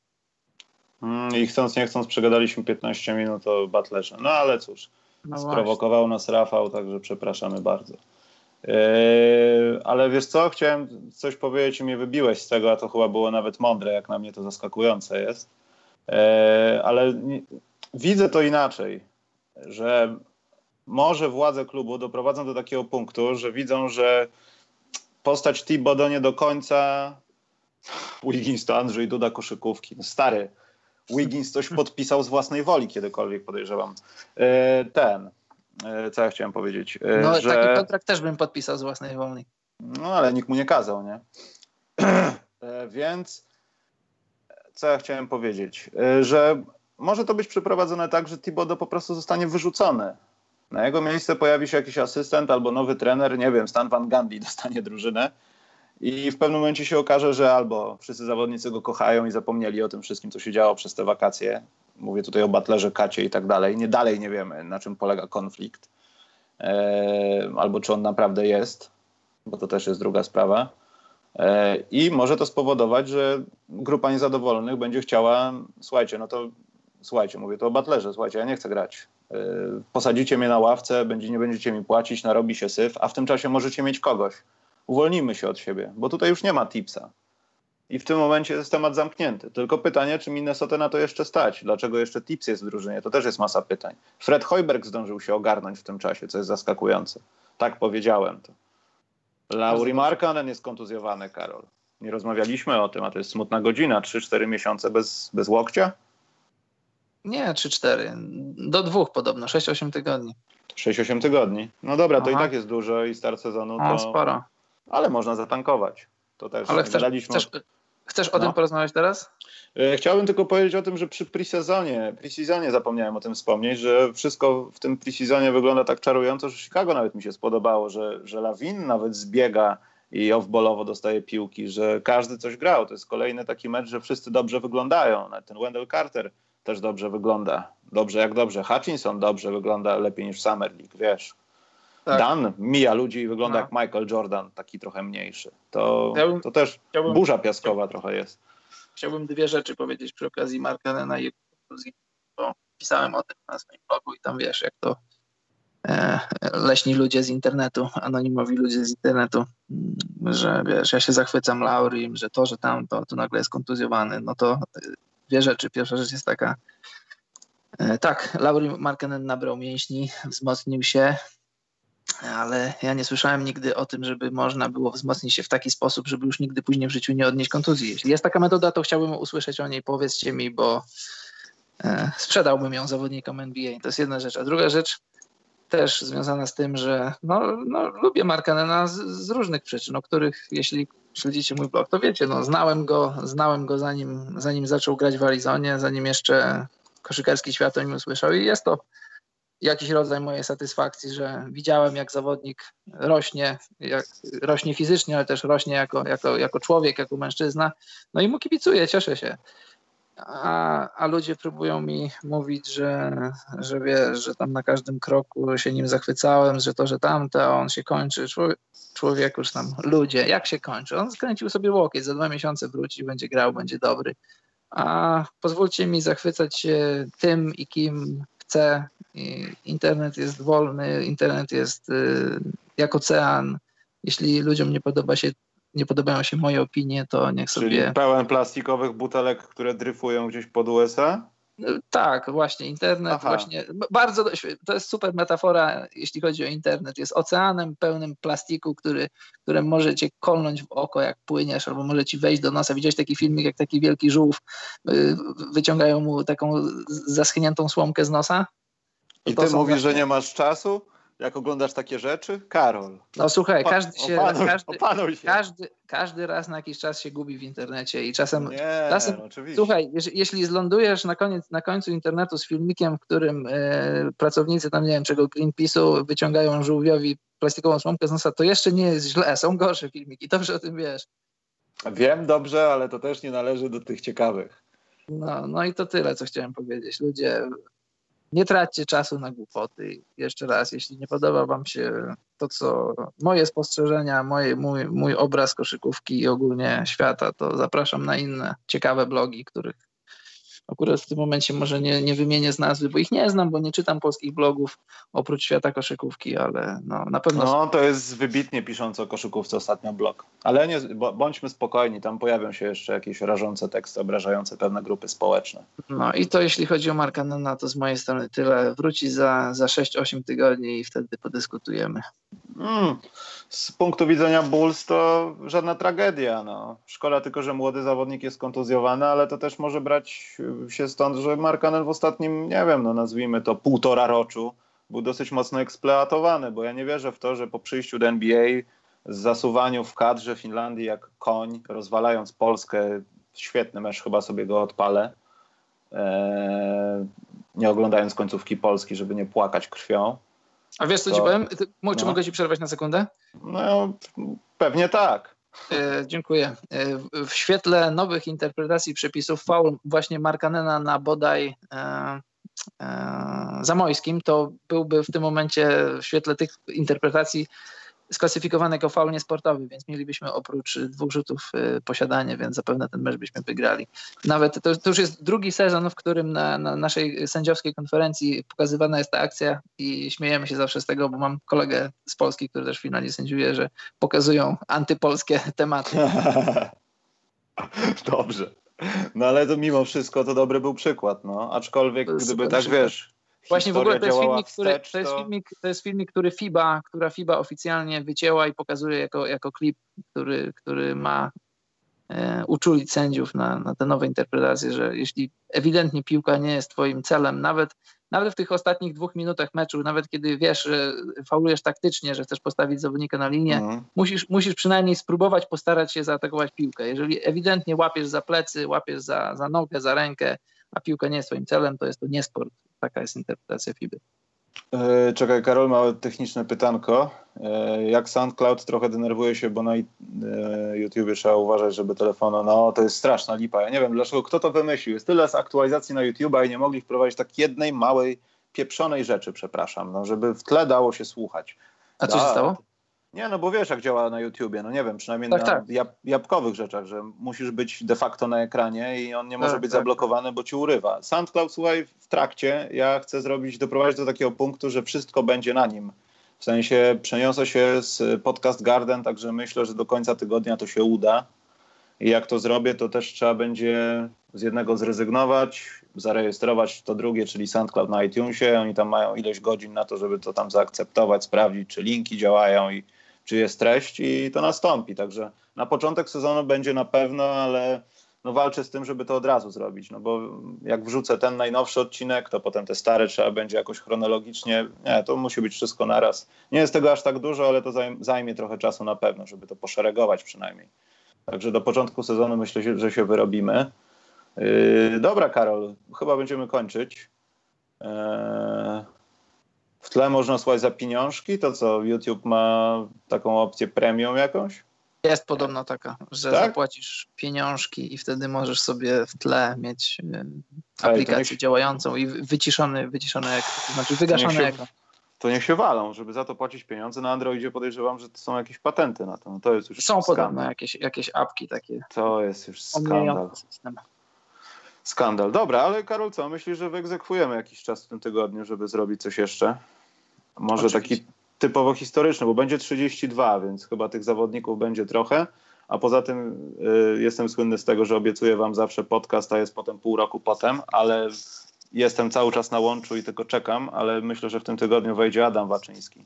Y, nie zrobiliśmy tego jeszcze, ale byłem w kontakcie z Adamem w weekend. No, teraz będziemy jakieś 5 dni wolniejszych, więc przynajmniej jakieś 40 minut nagrania uda mi się wymóc. A poza tym, a Karol, zapomniałem wspomnieć. A propos tych patronajtów i tego wszystkiego, ja w, w ramach możliwości będę starał się robić jakieś takie małe rozmowy, może mi się uda to już na Legii 13, z zawodnikami, którzy no, mają jakąś swoją przeszłość amerykańską, żeby poopowiadali trochę, oprócz jakichś frazesów, że w Polsce są ładne dziewczyny i dobre pierogi, żeby poopowiadali o swojej drodze do koszykówki, bo ja trochę to zgapiłem, kiedy e, był Antony Bin w Polsce, ale myślę, że tam na odległość dałoby się to jakoś nagrać. E, co powoduje, że jesteś dobry w jakiejś dywizji, nagle lądujesz w Bułgarii, która nie jest za, za dobra, potem w Legii, która nie była za dobra, wybijasz się, lądujesz teraz chyba bodajże na Łotwie i jak to wygląda? No bo perspektywy oglądając takiego zawodnika można stwierdzić, że no G-League to może dobre miejsce, a on jest gdzie indziej, także może uda mi się takie rzeczy zroć. To jest bardzo e... ciekawy temat. Ciekawe, no. Tak, Podejrzewam, że odpowiedzi będą się powielać. No. no, wiesz, w ogóle jest, to jest temat rzeka, bo, bo, są, wiesz, Amerykanie no, tej pierwszej wody, którzy grają NBA, tej drugiej, którzy grają overseas w różnych silnych ligach europejskich, ale masz też takich zawodników z tych różnych chudów, z tych Bronxów i tych różnych innych Comptonów, którzy naprawdę tak. są, do, są dobrzy, wyskakani i dla nich w ogóle i takich zawodników, jeśli twoja, siatka agentów twojego klubu dobrze działa, to takich zawodników jest bardzo łatwo pozyskiwać i za, za niewielkie pieniądze rozwijać w swoim klubie, bo dla nich w ogóle fakt, wiesz, w ogóle w, w, w, swoim chudzie, fakt, że ty grałeś overseas i zarabiałeś tych nawet głupich kilka tysięcy, trzy tysiące, cztery tysiące dolarów dla jego statusu w swojej własnej wiosce, że tak powiem, dla jego CV i w ogóle fakt, że grał w koszykówkę zawodowo, no bo zawodowo yy, w Europie to jest naprawdę coś i, i to jest naprawdę temat bardzo ciekawy w ogóle praca Poza tym Europa, wiesz. Poza tym Europa, wyszukiwanie Wyjazd tych zawodników. do Europy ze Stanów, to dla takiego zawodnika to wiesz, na no. europejskie wakacje, nie każdego stać, żeby no. podróżować po Stanach w Stanach. To prawda. I zwróćcie uwagę, że często zawodnicy nawet na, na, na przykładzie polskiej ligi to nie do końca jestem, nie czuję się kompetentny, żeby opowiadać o tym, czy odpowiadać, no bo nie śledzę polskiej ligi aż tak mocno, ale pojawiają się często w różnych ligach europejskich zawodnicy tacy nie wiadomo skąd czarny Amerykanin, który albo wypali i zagra ci świetny sezon, potem odejdzie do jakichś tam Niemiec, Hiszpanii, czy gdzieś tam, czy do drugiej ligi włoskiej, albo będzie kompletnym niewypałem, będzie zawodnikiem, który co dwa tygodnie będzie musiał zmieniać telefon, bo go gubi na imprezie, gubi go w taksówce i, i życie w Europie to jest dla niego jedna wielka impreza. Są tacy, ty o tym wiesz Michał, ja też o tym wiem, nie wiem czy kibice wiedzą, ale no tak jest, to jest taka zawsze, to jest takie jajko z niespodzianką, czarny Amerykanie, no sorry, że tak mówię czarny, no ale zazwyczaj tak jest Y, ze Stanów. Albo wyciągniesz coś fajnego, albo. Poza tym wiesz, są takie trochę... kierunki jak y, ten y, nowy nabytek Legii. Ja nie chcę mówić, bo Soudante czy Mou, Mou ma w skrócie na imię Mou, Mou, nie chcę przekręcać, nie mam tego nazwiska przed sobą, ale skomplikowane. Gość jest z Anglii, on grał w kadrze Wielkiej Brytanii i w zeszłym sezonie bodajże, ale był w Maladze z Adamem Waczyńskim i nie mieścił, znaczy mieścił się, ale dostawał straż, koszmarnie mało minut. I to też jest ciekawe, wiesz, Anglia to nie jest takie miejsce, gdzie się za specjalnie dobrze gra w kosza i są, są wyjątki, które tylko, wiesz, gdzieś tam wypływają. Nie chcę mówić Ben Gordon czy tam Blue Oldenk jakiś, no ale tacy zawodnicy też są ciekawi. Dlaczego akurat Polska, no. W Wielkiej Brytanii nie ma za specjalnie ligi, czy tam w ogóle na Wyspach Brytyjskich niespecjalnie koszykówka egzystuje, ale to jest ciekawe. Dlatego będę starał się coś takiego robić. Poczekaj, Karol, pytanie jest jeszcze Marcin Rogalski. Witam, będziecie komentować jakieś mecze sezonu regularnego? Z punktu widzenia Karola to chyba jest wykonalne, bo Karol staje o takich porach karmienia. Oczywiście.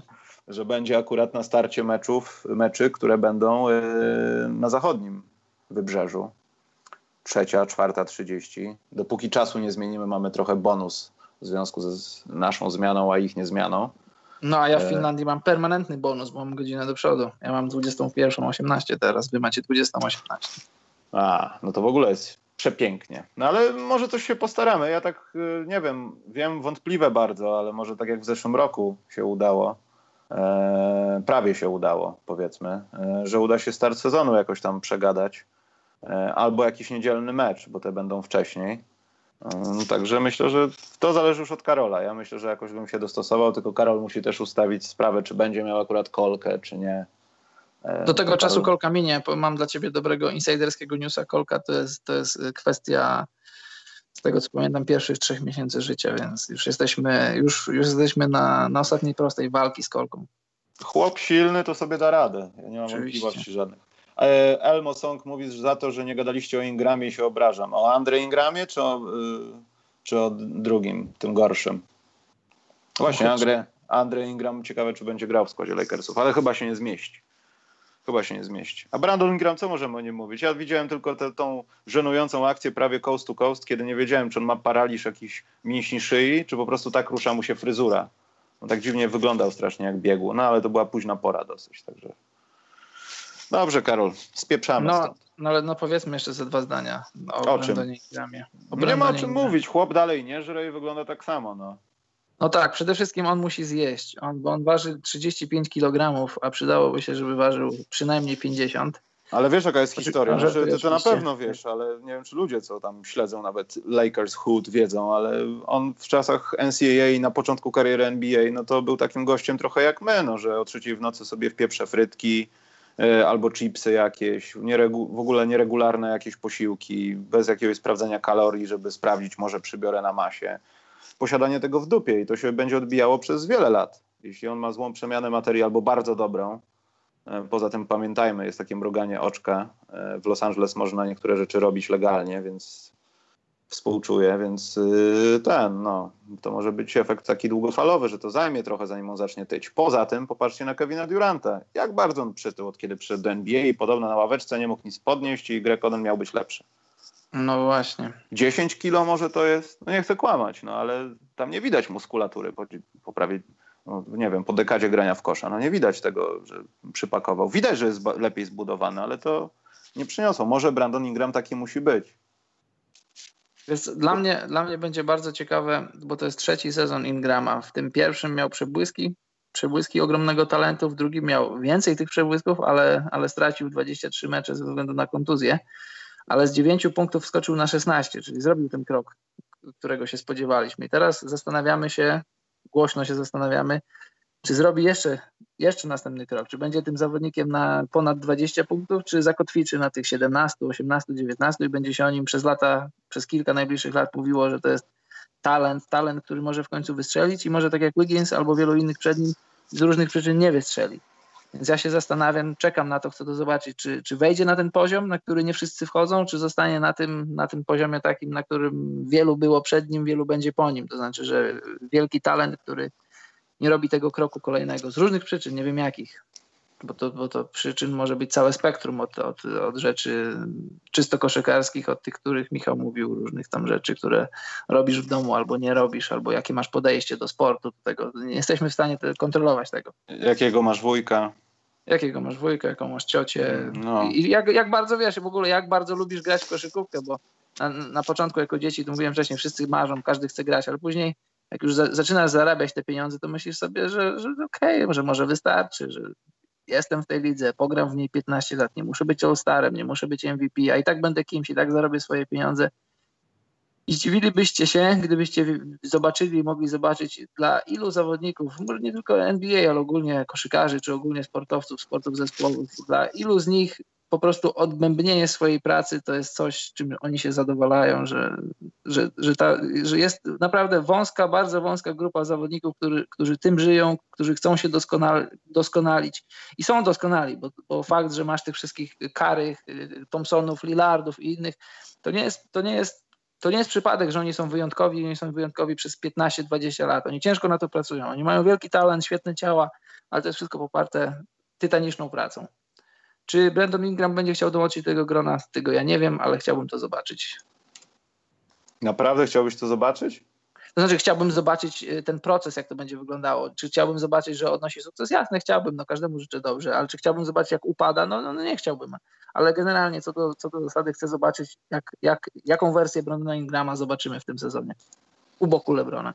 Mm. Jeśli też Brandon Ingram nie będzie razem pewnie z Lonzo Bolem, bo ja bardziej tak to obstawiam, przedmiotem tego całego rozruchu 2019, bo myślę, że Lakersi, myślę, no, jestem pewien, że muszą dokonać czegoś oddać coś ze swojego składu, jeśli chcą e, skorzystać na tym wszystkim. No. Po prostu. No dobra, kończymy, Karol. Poniżej dwóch godzin, także jest gitara. Godzina 22, Karol, to jest nasz rekord. No, to jest Chyba. takie nasze, myślę, że to takie nasze optimum, bo pamiętasz, mm. jak zaczynaliśmy, to, tak, to też o tym sobie ostatnio myślałem, tacy byliśmy, no, moim zdaniem bardzo dobrze, no bo emocjonowaliśmy się tym, taka nowość że my tu mówimy, internet nas słyszy i tak tematy same kłębiły się w głowie i robiliśmy, pamiętasz, to takie było trochę zboczone po 3,5 godziny, po 3 godziny. Takie długie podcasty o całe spektrum różnych tematów, nie tylko koszykarskich. To teraz oczywiście, nie. teraz cały czas, cały, czas, cały czas się emocjonujemy. Dla mnie to jest zawsze za każdym razem przeżycie, że mówimy, mówimy na żywo, możemy się mylić i to, że też tego się nie wytnie, tego się nie, nie wymarzę. I za każdym razem fajnie. fajnie. No chyba, że puścimy jakieś karne Rosja z kimś tam, no to potem nas kasują. To tak. No, to też, to jest, wiesz, taki, to jest proces, to jest proces, uczymy się też. Dobra, zanim Karol powie swoją tradycyjną regułkę na pożegnanie, to ja zrobiłem, ale nie obiecuję, że tak będzie to wyglądało w każdym. Y, w Patronajcie już są jakieś y, nazwiska sponsorów i zrobiłem taki mały widgetik, który będzie zamykał, także sprawdźcie. Lebron gra na skrzypkach, taki, taki teaser. Y, I to chyba będzie zawsze przy zamknięciu naszego streama trochę może zamiast zegarka, tego z buzerem, ale są małe przecieki, że ten zegarek będzie bardzo mocno wykorzystywany w tym sezonie. I to nie z przyczyn takich, bo chcemy, tylko bo chcemy, żeby było ciekawiej, także to też będzie jakaś ciekawostka. Yy, a, i chyba na książce Jordana może, może będziemy też. Karol, to też jest taki insight mały. Tak, może będziemy. To jest taka rzecz, ale ta książka chyba będzie przed tą książką, na którą najbardziej czekamy, czyli Billa Simonsa. The Great mhm. Book of Basketball. Eee, nie, e, bo Kubuś Puchatek napisał, przyjdzie sezon regularny, to podcasty się wydłużą. Wiesz co, chcemy tego unikać, żeby nie doszło do tego, że jak robimy to dwa razy w tygodniu, to jest dwa razy po dwie godziny, bo szczerze mówiąc, mi samemu ciężko słucha się jakiekolwiek inne podcasty, które są naprawdę dłuższe niż półtorej godziny. To trzeba rozbić na kilka rat albo odpalić przed zaśnięciem i tak nie pamiętasz, bo zasnąłeś już po 15 minutach. Także nie, nie, to musi być słuchalne przeze mnie na pewno, bo ja to tnę i obsługuję, także nie mogę dostać zapaści podczas edycji. No, ja się stoprocentowo zgadzam. To jest taka, taka zamknięta forma, że zamiast poruszyć 20 różnych tematów, to poruszamy kilka dobrze i, i czas, czas, czas w podcastach ma duże znaczenie, bo tak jak mówisz, raczej nie siadasz w fotelu i nie robisz nic, tylko jak słuchasz podcastów, to nie wiem, to sprzątasz, albo jedziesz na rowerze, albo jedziesz samochodem i zazwyczaj czas, w jakim to robisz, to musi być, to musi być zamknięta jednostka. Jeżeli jedziesz z punktu A do punktu B, to fajnie, żeby podcast się zakończył, zaczął i zakończył podczas tej czynności. Ja na przykład koszę trawę i sobie słucham różnych rzeczy i z doświadczenia wiem, że jak muszę to dzielić na dwa albo na trzy, to czasami ta trzecia część już nie, już nie wchodzi, bo już mi się nie chce, raz, że mi się nie chce, a dwa, że już wchodzi nowa edycja, że nowy odcinek danego podcastu, czy jakiegoś tam słuchowiska politycznego i nie ma sensu słuchać starego, skoro masz już nową część. No albo słuchasz podcastów Dunked i na iTunesie i przeglądy drużyn są zawsze dwie drużyny, to trwa dwie godziny 12 minut, zanim skończysz słuchać to w tygodniu, to już pojawią się dwie następne i, i jest no problem. Sześć godzin, a ty nie masz czasu, żeby skupić się i przesłuchać. Dobra, Karol, bo zbierzamy już do 90 minut, to jest przesada. No. Także trzymajcie się i do, do usłyszenia gdzieś myślę, że przed weekendem. Może czwartek, może piątek, ale to sprawdzajcie wiadomo gdzie. Trzymajcie się i cześć czołem. Dziękujemy za dziś. Dobranoc, mili ludzie.